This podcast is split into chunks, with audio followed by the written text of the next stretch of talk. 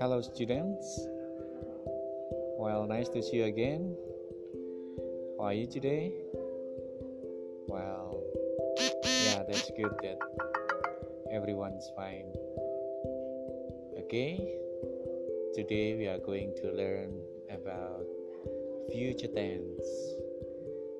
Please follow the, the instruction in the Google Classroom. Happy study!